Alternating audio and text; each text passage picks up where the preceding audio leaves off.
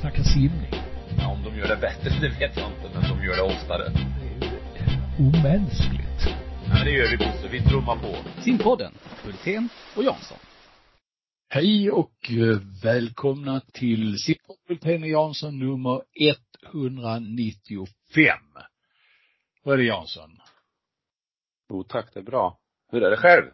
Det är bra. Insnöad. Ja, för du flyttar och flyttar och sen Ja, flyttar tillbaka. flyttar du. Ja. Men det går enligt plan hoppas jag. Ja, det hoppas jag också. Det är inte helt, inte helt säker.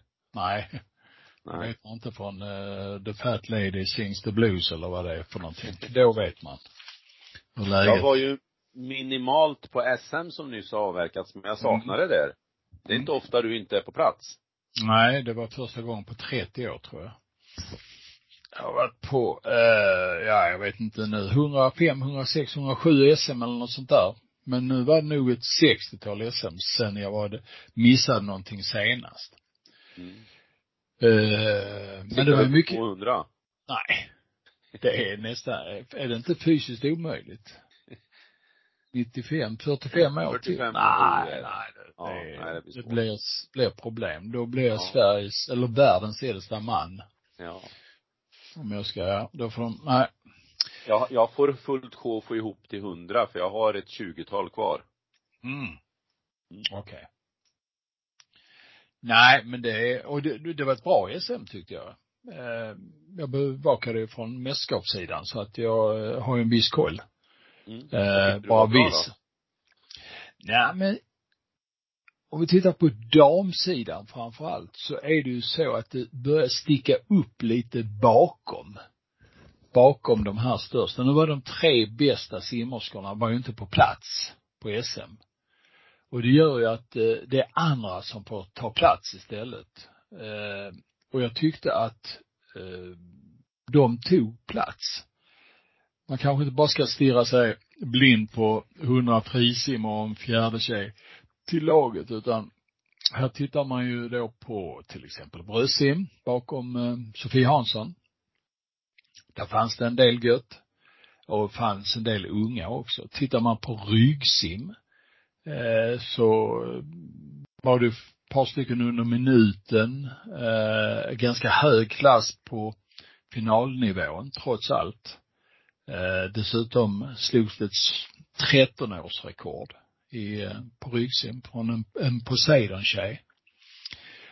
Ser jag henne tillsammans med den här lilla tjejen Hellqvist också som slog 13-årsrekord på frisim och fjärilsim så har jag två stycken där i en kombination med 13-åringar som verkar väldigt lovande. Lägg det till typ Lisa Nystrand, Emily Fast med flera ganska unga simmartjejer så känns det som om om fem år, om alla har överlevt, så har vi ett kluster med bra simmare igen. Egentligen eh, det första bra klustret sedan eh, åldersklass 93 som var fantastiskt bra, som egentligen skulle blivit mycket bättre än vad de egentligen var, eh, har blivit. Även om vi har haft två stycken som har överlevt långt in i våra dagar, Sara Sjöström och Michelle Coleman. Men det fanns ju fler runt omkring 93 Eh, Eh, så där har vi en samling med unga simmerskor som förhoppningsvis ska kunna överleva. Om de eh, hamnar på rätt ställen, eh, drabbas av tränare som inte kör i sönder dem, inte i för, hamnar i för mycket stordrift där de ska underkastas lagkappslag hela tiden. Som själva har är kloka nog att förstå att eh, världen slutar inte som eh, sumsimmedaljör som 13-åringar och så vidare. Så det tycker jag var bra. Eh, en del uppstickar på här sidan också, även om det inte är riktigt lika tydligt där. Sen imponeras jag väldigt starkt av en sån kille som Oskar Hoff som var i SM-finaler alla 50 meters distanser. Det tycker jag, det är en fräck grej. Det är, det är lika roligt rent eh, statistiskt som att Emily Fast har gjort under 30 sekunder på alla simsätt på femte. Eh, sen imponeras jag av en hel del annat också. Jag tycker till exempel att Neptun har en bredd och, och eh, ett djup i sin verksamhet eh, som jag är lite imponerad av. de lyckas behålla simmarna länge. Det finns ju eh, simmare födda på 80-talet som fortfarande håller eh, bra klass där. Grabben Flodqvist, Sjödin. Det var till och med en Tor i en SM-final. Även om det syns att han har suttit på skolbänken i fem år. Och inte är riktigt lika smärt och smidigt som han var innan. Men eh, det finns, där är jag imponerad. Sen kan vi gå in och titta på klubbar också lite senare här så, och där har jag också en del klubbar jag är li, lite imponerad av, men också en del som jag inte alls är imponerad av. Så det var min lilla korta briefing runt mm. SM. Och du då? Nej men jag kan hålla med dig om vi pratar om Neptun som klubb. Alltså de är säkra som arrangörer. Det är klart det finns saker som skulle kunna gjorts ännu bättre. Eh, de eh, har genomgående i massor av år nu visat att de är kanske den enda klubb som håller en riktig seniornivå på sin klubb med mm. mångfald utav, som du nämnde, några från 80-talet men en hel del från 90-talet. Deras engagemang till lagkapper och så vidare är också beundransvärt år, år efter år. Eh, däremot så är jag inte lika säker på att eh, eh, det kommer att ske som, som eh, du är inne på med de unga. För jag, jag roade mig med att gå tillbaka lite grann i vårt poddarkiv när vi har eh, eh, tittat på SM bakåt. Vi har hållit på i nästan sju år. Och då noterar jag att vi, vi ett antal gånger faktiskt har varit inne på, lite på samma tema att ja men nu dök den där upp, den där var 13 och 14 år. Men sen när man går in och tittar i deras, eh, och då kommer jag in på vad du la upp som en fara där, när man går in och tittar på utvecklingskurvor. Så är ju det fortfarande ett litet problem och då, då blir ju, då blir ju analysen, oj vad bra det här var. Jädra synd att vi inte ursäkta språket, så synd att det så sällan blir utveckling efter 16 år. Mm. Så att ska man förvalta det här så ska man bryta den trenden. Och där hoppas jag du då är inne på rätt spår. Sen tyckte väl jag att det var för få klubbar som tog poäng. Alltså, eh, det här poängsystemet är ändå ganska generöst så som det är upplagt. Och det var ändå bara 51 klubbar som tog poäng. Mm. 52 eh, men eh, Ja, 52. Eh, jag vet inte hur många som var med och simmade i SM faktiskt. Jag har inte koll på det. Men det brukar vara det. 75, ja. Ja.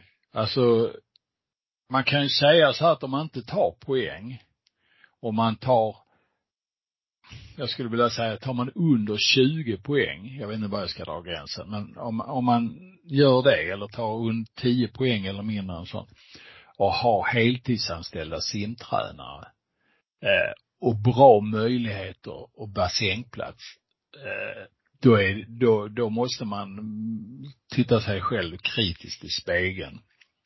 Det är inte bra alltså. Nej, bara gå och titta i, in i Värmland. Eh, Värmland tar tre poäng. Och det är Karlstad som gör det.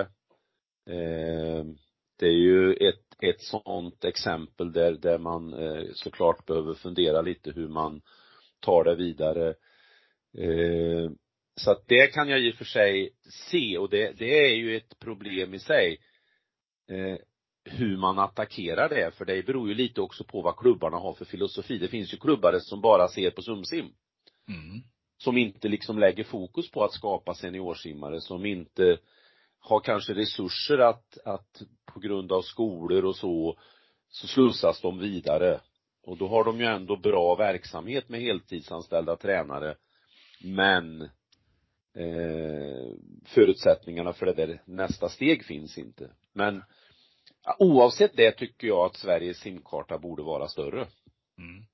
Ja, ja, Och jag, tyck, jag tycker det var för många grenar, inte för många, men det är fortfarande ett flertal grenare som det är frapperande låg konkurrens. Alltså 400 medley-final damer och de är ett, ett par stycken över fem minuter. Ingen skugga på dem för de kanske gjorde sitt livs lopp. men sett i perspektivet eh, svensk simning. Jag tycker också att eh, det är för få över 800 poäng.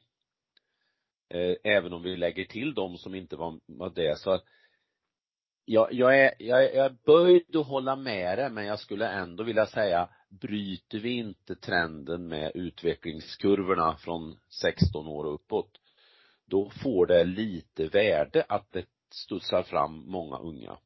Mm. Vi hade till exempel, om vi tittar på 25 plats till finpoäng, eh, fina poäng eh, på herrsidan eh, 725 poäng.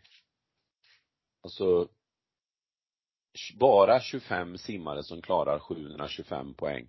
Då ska man ha klart för sig att det är ett ganska gigantiskt steg från 725 upp till 850 eller 875 för att nosa på landslagsplats och så vidare.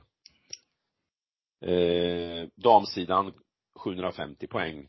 Så att eh, Ja, det blandade känslor, för jag håller ju egentligen med dig om det där du beskrev som positivt. Eh, Eh, du nämnde ett antal saker, eh, alltså de är ju sanna i sig. Det blir blandade känslor när man puttar in lite mer i, i, i anrättningen. Mm. Ja, eh, men jag kan ändå tycka att detta är ett av de mer positiva SMen på senare år, där man, när man ser en kurva som pekar uppåt, där det, där det kommer nya simmare som tar för sig.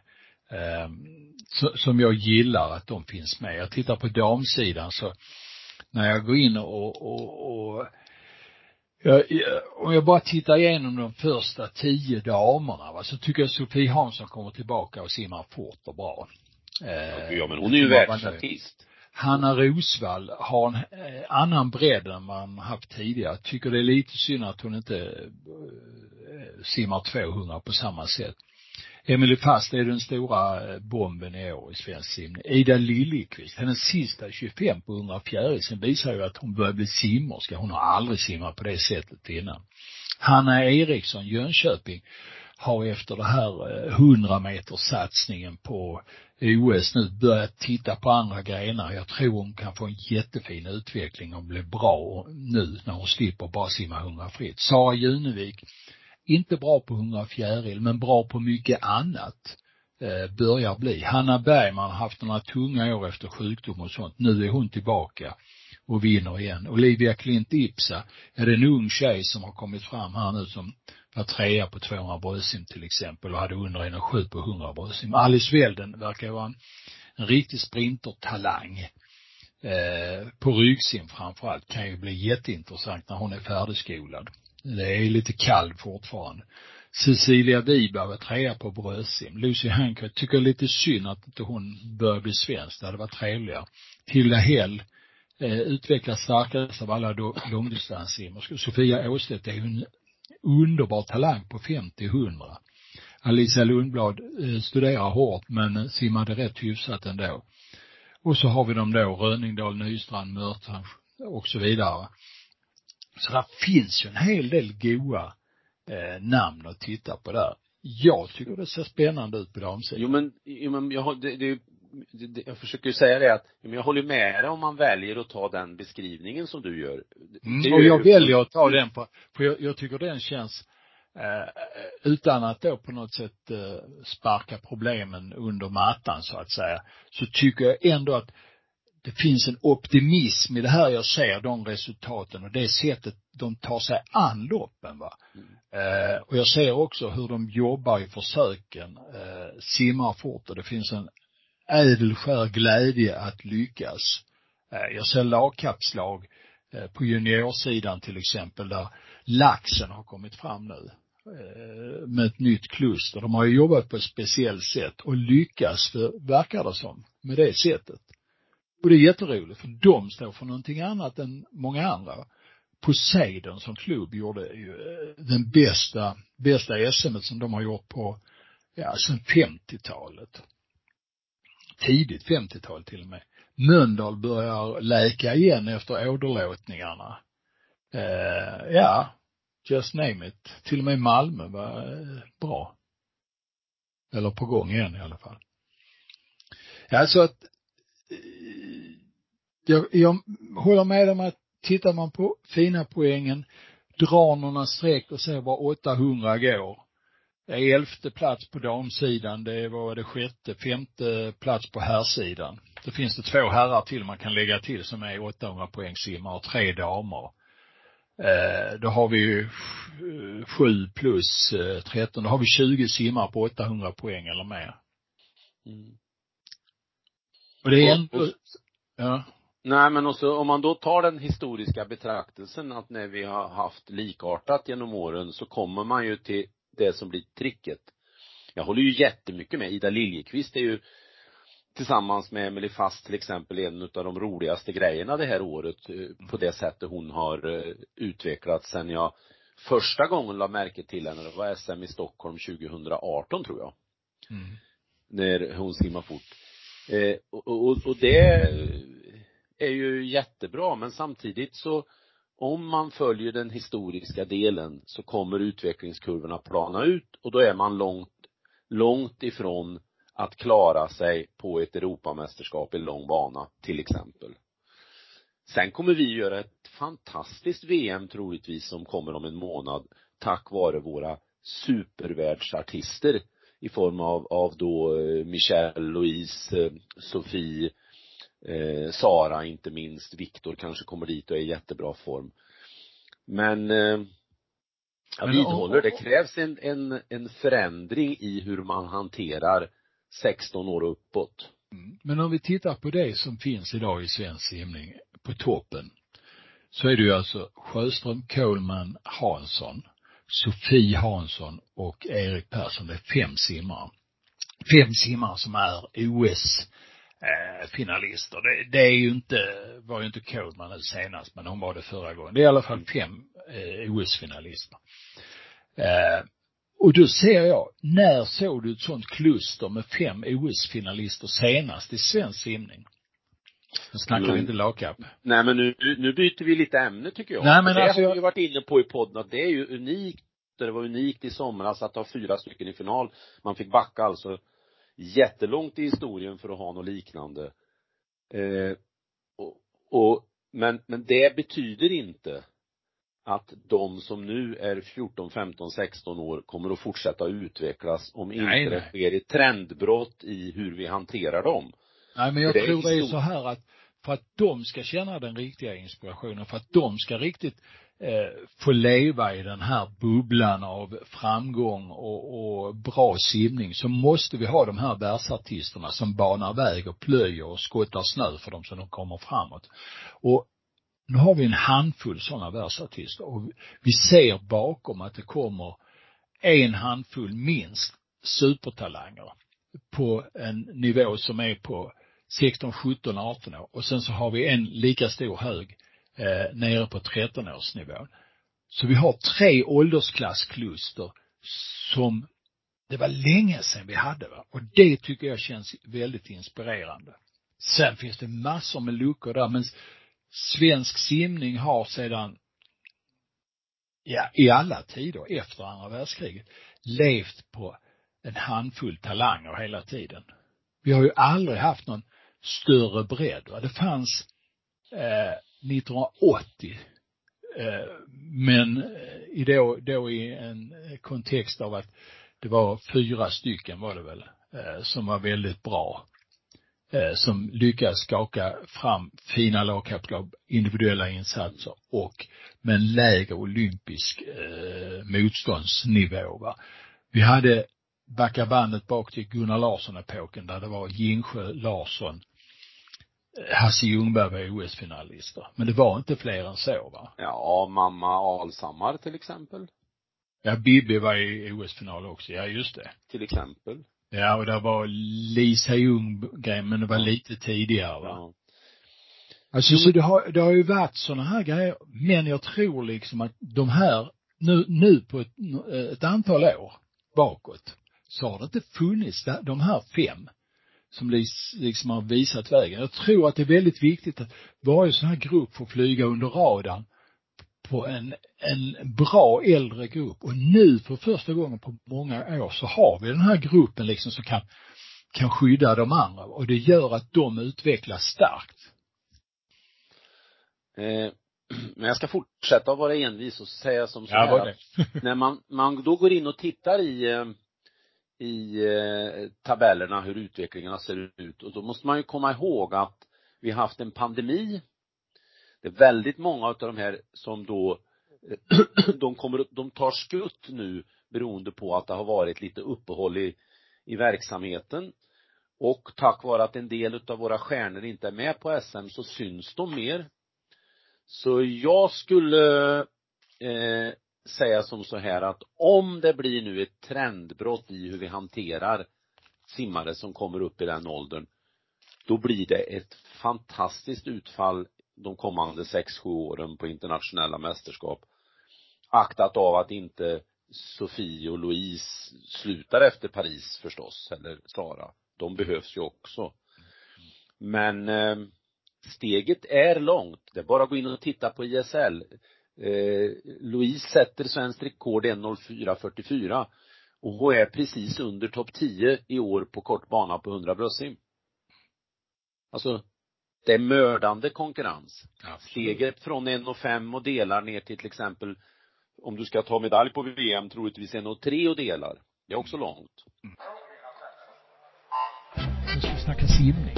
Ja, om de gör det bättre, det vet jag inte, men de gör det oftare. Det är ju omänskligt. Ja, men det gör vi Bosse, vi trummar på. Simpodden, Hultén och Jansson. Vad härligt att vi äntligen tar en sån här, liksom, eh, diskussion, du och jag. Det, jag gillar det. Mm, mm. Men alltså, kontentan, jag tror möjligheterna fins. Jag tror de Håller med. Är, de är bättre än vad de har varit på ett antal år. Eh, Jag är tveksam till, ja, eh, ja, men så ser jag det i alla fall. Eh, jag har ändå varit på 105 SM va. Eh, eh, ja men du men- kommer ju inte ihåg mer än hälften. Och knappt Nej. det. ungefär, men det får man vara glad för. Men du, jag har satt lite prickar för lite klubbar jag blev Jo, lite men jag glad skulle, över. skulle, jag ska bara, jag ska bara liksom knyta an till vad du sa här på slutet. Och det är ju att, eh, det viktiga är ju att det nu görs rätt saker va. Och det är ju jätteviktigt att det görs rätt saker. Dels att de talangerna som inte var framme nu, att de ser till att till exempel fortsätta välja det spår som en del har valt. Man ser ju att en del har valt distansspår. Va? Att det har blivit, jag säger inte, det är sämre på distans än vad det var för 20 år sedan. Så är det bara. Men, men det är ett litet trendbrott att det börjar bli lite bättre i alla fall. Och jag hoppas att fler ser möjligheten att träna distans 8 och 1500 och 400 medley. Och att eh, man tar sig in där.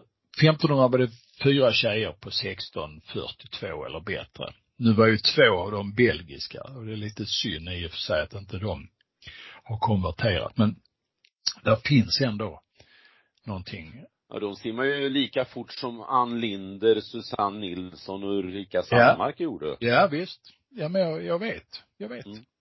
Mm, absolut. Och inte glömma bort hon från uh, Linköping heller.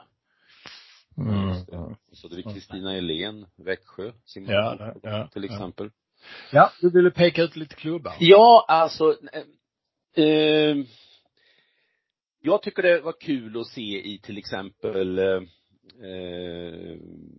seniormedaljer, Solna, Danderyd och Vällingenäset. Mm. Tyckte jag var, var trevligt. Eh, de förekommer inte så ofta där. Eh, tittar vi på eh, poängdelen så imponeras jag utav Mölndal. Nionde plats där.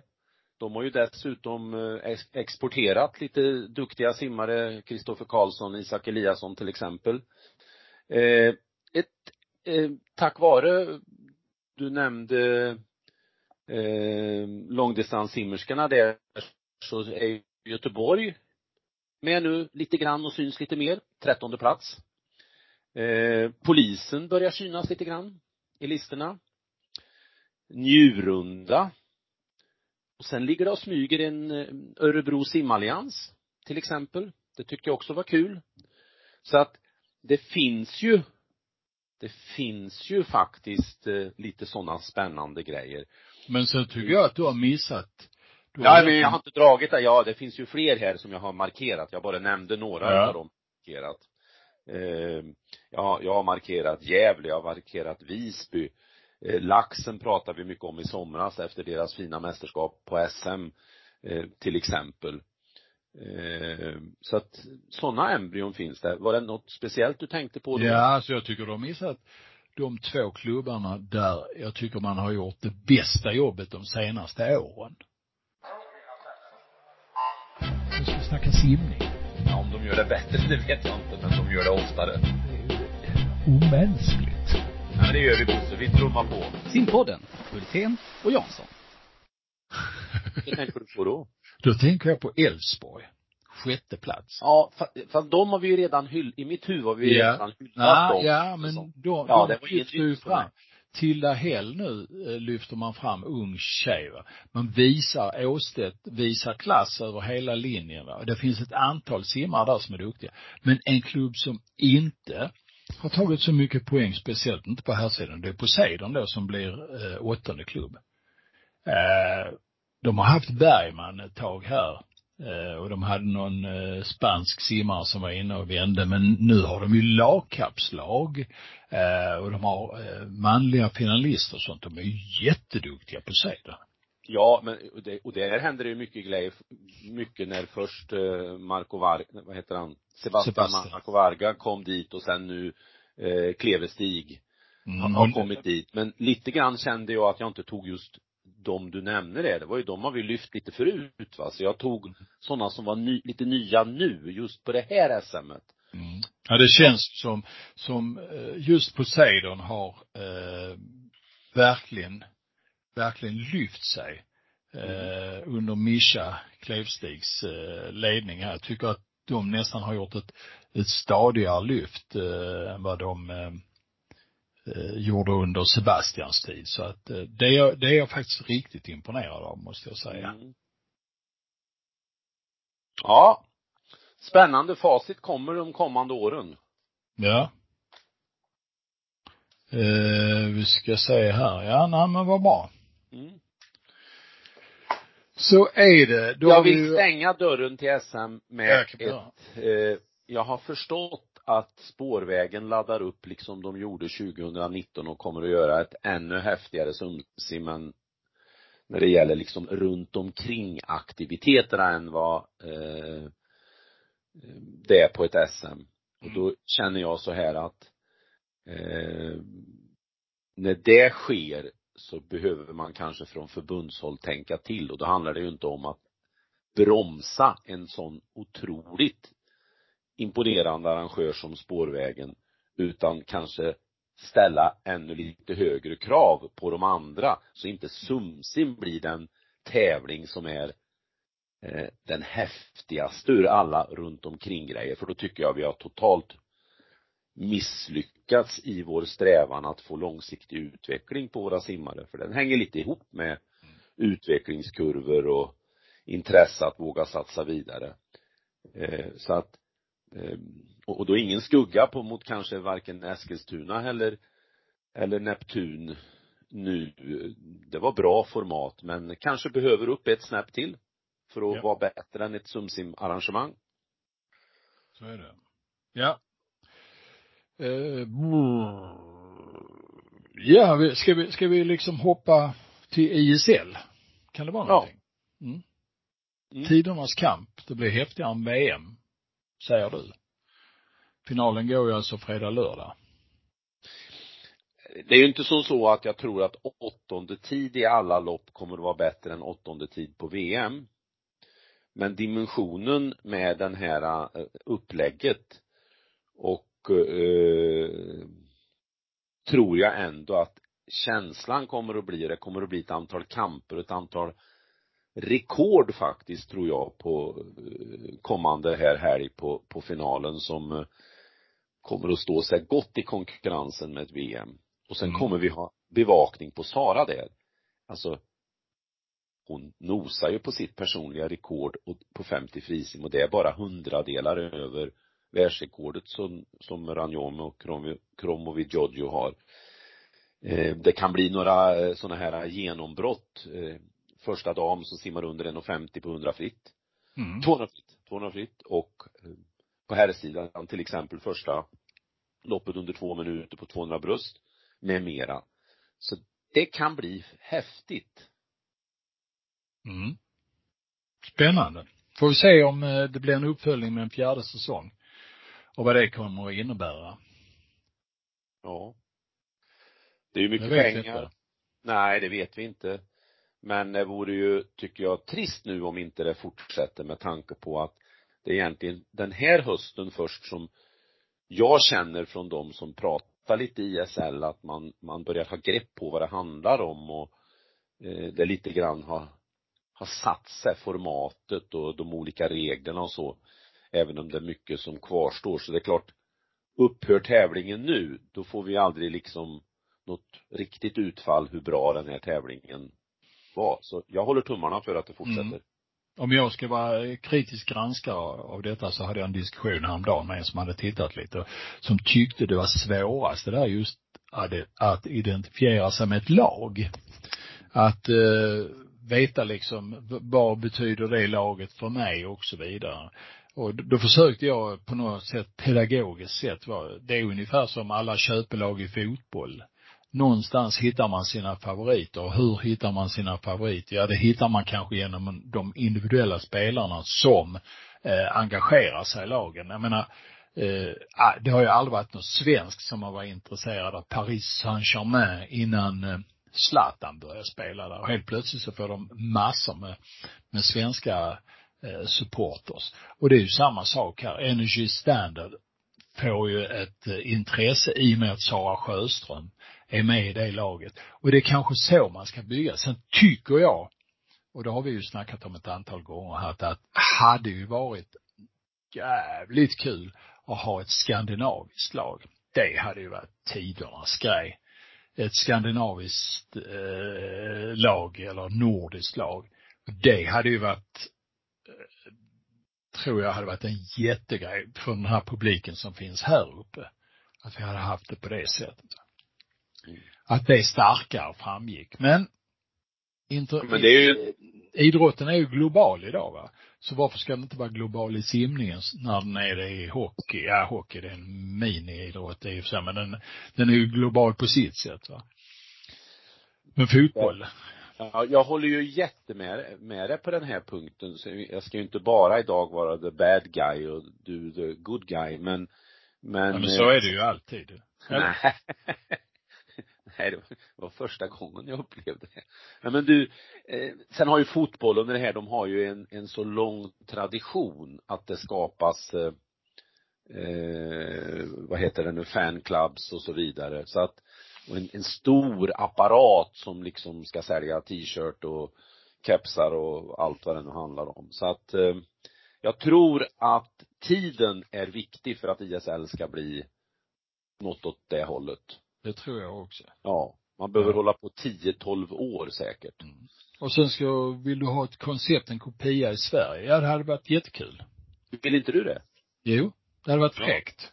Ja. Ehm, det hade varit jättekul att ha eh, det här lag-SM som vi har snackat om. Det hade varit skitkul att ha det i, ISL-format. Det är väldigt trevligt. Ja, och det går att göra utan egentligen pengar om man tänker till och omfördelar lite grann. Men eh, vi får se vad som händer. Ja. Nu är det i alla fall ISL-final, fredag, lördag, då Mm. blir det På åka. Eurosport 19.00. Mm. Ja, eller på Discovery ska vi säga. Vi vet inte riktigt var eh, det landar riktigt nu. Så är det. Eh, lite kort grejer då. Har vi något mer simmässigt som vi tänkte på lite kortnotiser men tänkte eh, ta simning på slutet och, Då tar vi och kort. börja med Castor Semenya, det är ju den sydafrikanska löparen. Mm. Eh, som har haft eh, problem med sina testosteronnivåer. Eh, jag har inte Problem i andras ögon för att de är högre än vad man ja, tycker. Ja. ja. Och hon. Hon har inte laborerat med dem. Nej, nej det har hon inte gjort. Men man kan väl, man ser ju vad man ser så att säga. Och det, hon har ju väldigt, eh, ska vi säga, ma mansliknande kropp i mångt och mycket va. Men det finns ju många, eh, speciellt friidrottare som har haft det. Ja, Marit eh, Björgen eller alltså, Kalla. Ja. Mm. Det finns ju, det finns ju fler. Ja. Men äntligen har det ju avgjorts då i idrotten. Jag har inte hängt med, så redovisa. Jo men alltså, hon blev ju, friidrotten var det ju som la ögonen på det här. De har ju någon sorts uh, märklig sätt att se på rättvisa. Eh, man får gärna vara två tider lång och hoppa höjd. Eh, då är det inte orättvist mot den som är 1,80 men eh, är det någon som har då lite för höga testosteronnivåer i en som de tycker i en löpgren, ja då är det fel och så anmälde man och så stängde man av och så slutade det med att den här stackars kvinnan som kanske blev lite dömd också utifrån det du var inne på att hon ser mer manhaftig ut än, än många andra. Att om hon skulle få vara med och tävla, hon blev ju stoppad till Tokyo så skulle hon vara tvungen att sänka sina eh, testosteronnivåer. De drog det här ärendet vidare och nu har det nog avgjorts och säger att man kan inte stoppa någon på grund av det här. Eh, det är inte det regelverk vi har. Trots det väljer internationella friidrotten möjligtvis inte påhejad av Sverige men, men Sverige har ju inte agerat heller så väljer att de håller fast vid det här och stoppar en sån som Castor Semenya. Hon får ju vara symbol, det finns ju några fler fall. Så eh, intressant att vi som var inne på att så här kan man inte göra, vi fick ju faktiskt lite rätt när expertisen är inblandad. Eh, trist att eh, internationella och svenska friidrottet, friidrotten eh, inte följer de reglerna. Mm. Mm. Och så har du lite fotboll också här. Ja. MFF för Degerfors, är det lag som ja. ligger nära oss eller? Och åtminstone ja. rent, rent fysiskt så finns de ju nära oss. Ja, lite. Alltså om det är något lag, jag är, har ju aldrig haft något favoritlag i, på något sätt och vis. Jag tror jag har nämnt i podden också, jag kan ju gå på idrott, det behöver ju inte vara en enda själ mer än jag som tittar på en på en, på en match. Jag njuter av själva idrottsutövningen. Det här att folk skriker och musik hit och dit, det, det är för mig, alltså, ja, det spelar mig ingen roll. Men Degerfors har jag haft lite i mitt hjärta. Och nu hänger de ju på repet att kunna vara kvar ett år till efter den sensationella då förra året att de kvalificerar sig. Och då kan faktiskt Malmö vara deras räddningsplanka. Mm. För i och med att AIK vann igår så kan de fortfarande bli svenska mästare. Och det tvingar Malmö att spela bra i sista matchen. Vilka möter de då? Jo, de möter Halmstad Mm. Och det är Halmstad som Degerfors, det är det enda lag de kan passera i sista omgången. Så vinner Malmö, gör sitt jobb, säger jag då. Då är det upp till Degerfors att göra sitt jobb som åker till Östersund, sätter på sig skidorna och glider in där och förhoppningsvis vinner över Östersund. Och så är Degerfors kvar. Degerfors som till och med fick vara med på På spåret i fredags. Mm. Och jag tog det på 10 poäng. Och Nixon. Ja. Jag tog ja. det också, eh, eh, vad heter den, spanska staden, eller franska staden, Avignon tog jag också på 10 poäng. Och det var ju första frågan, eh, Avignon, och jag, jag griper den på 10 poäng. Det kom som en klar blixt. Jävligt skönt. Nej, nej, ja, jag, är helt, jag är helt värdelös alltså. Jag, jag, jag kan inget om de där grejerna. Det är klart jag kunde en del Degerfors grejer. Jag såg inte det för att jag, jag jobbade då. Mm. Eh, men eh, Eh, ja, men jag, ja, såg ja. du i efterhand? Nej, nej, nej. Det finns det, något som heter play-funktion. Ja, men det gör jag bara när det är viktiga saker. Jaha, okej. Okay. Som man ska följa. Ja. Nej men så, Malmö kan rädda Degerfors, låt oss hoppas att det blir så. Mm. Men sen finns det ju andra glädjeämnen i natt. Mm, ja. Porttennisen. Porttennisen. Ja, jag tycker men. det är häftig idrott. Du, alltså jag, jag, jag, var kommer detta ifrån? Vad i helskotta, hur kan Truls Mellegård vara eh, framme i VM-finalen? Hur kan dubbelpart vinna? Det är min gåta. Är inte alla med eller? Jo.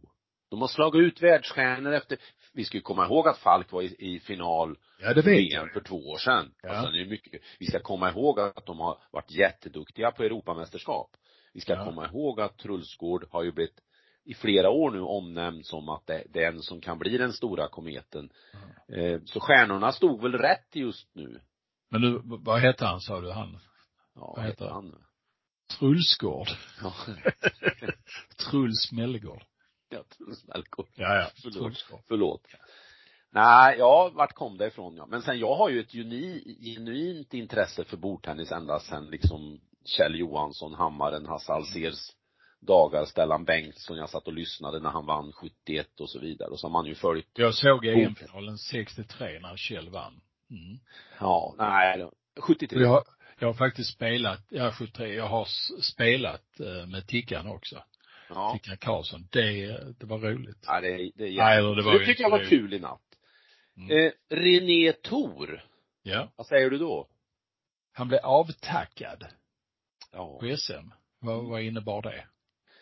Han har ju då varit i, i eh, det medicinska teamet, om jag uttrycker mig så, i, i landslagets regi i, i stort sett 30 år, Mm. sen Mm. början av 90-talet, men han var inne redan eh, vi var på ett eh, landslagsläger redan 83 med, där René var med, jag tror det var hans debut. Och nu blir han avtackad då när det gäller landslagsverksamheten och eh, han är för mig, och det har jag också sagt i podden förut, en, en, en doldis som betyder väldigt mycket mer än man tror för att det ska vara lugn och harmoni i ett landslag och han eh, inte som en del andra läkare eh, har behov av att synas i media och, och ta upp olika grejer. Jag tror han har varit oerhört värdefull. Och nu blir han avtackad och eh, vi bugar och bockar. Mhm. Det gör vi. Ja. Um, han har gjort ett jävla bra jobb. Ja. Och när det hettar till som när Therese hade problem med ryggen i Rio eller, nej det var London var det.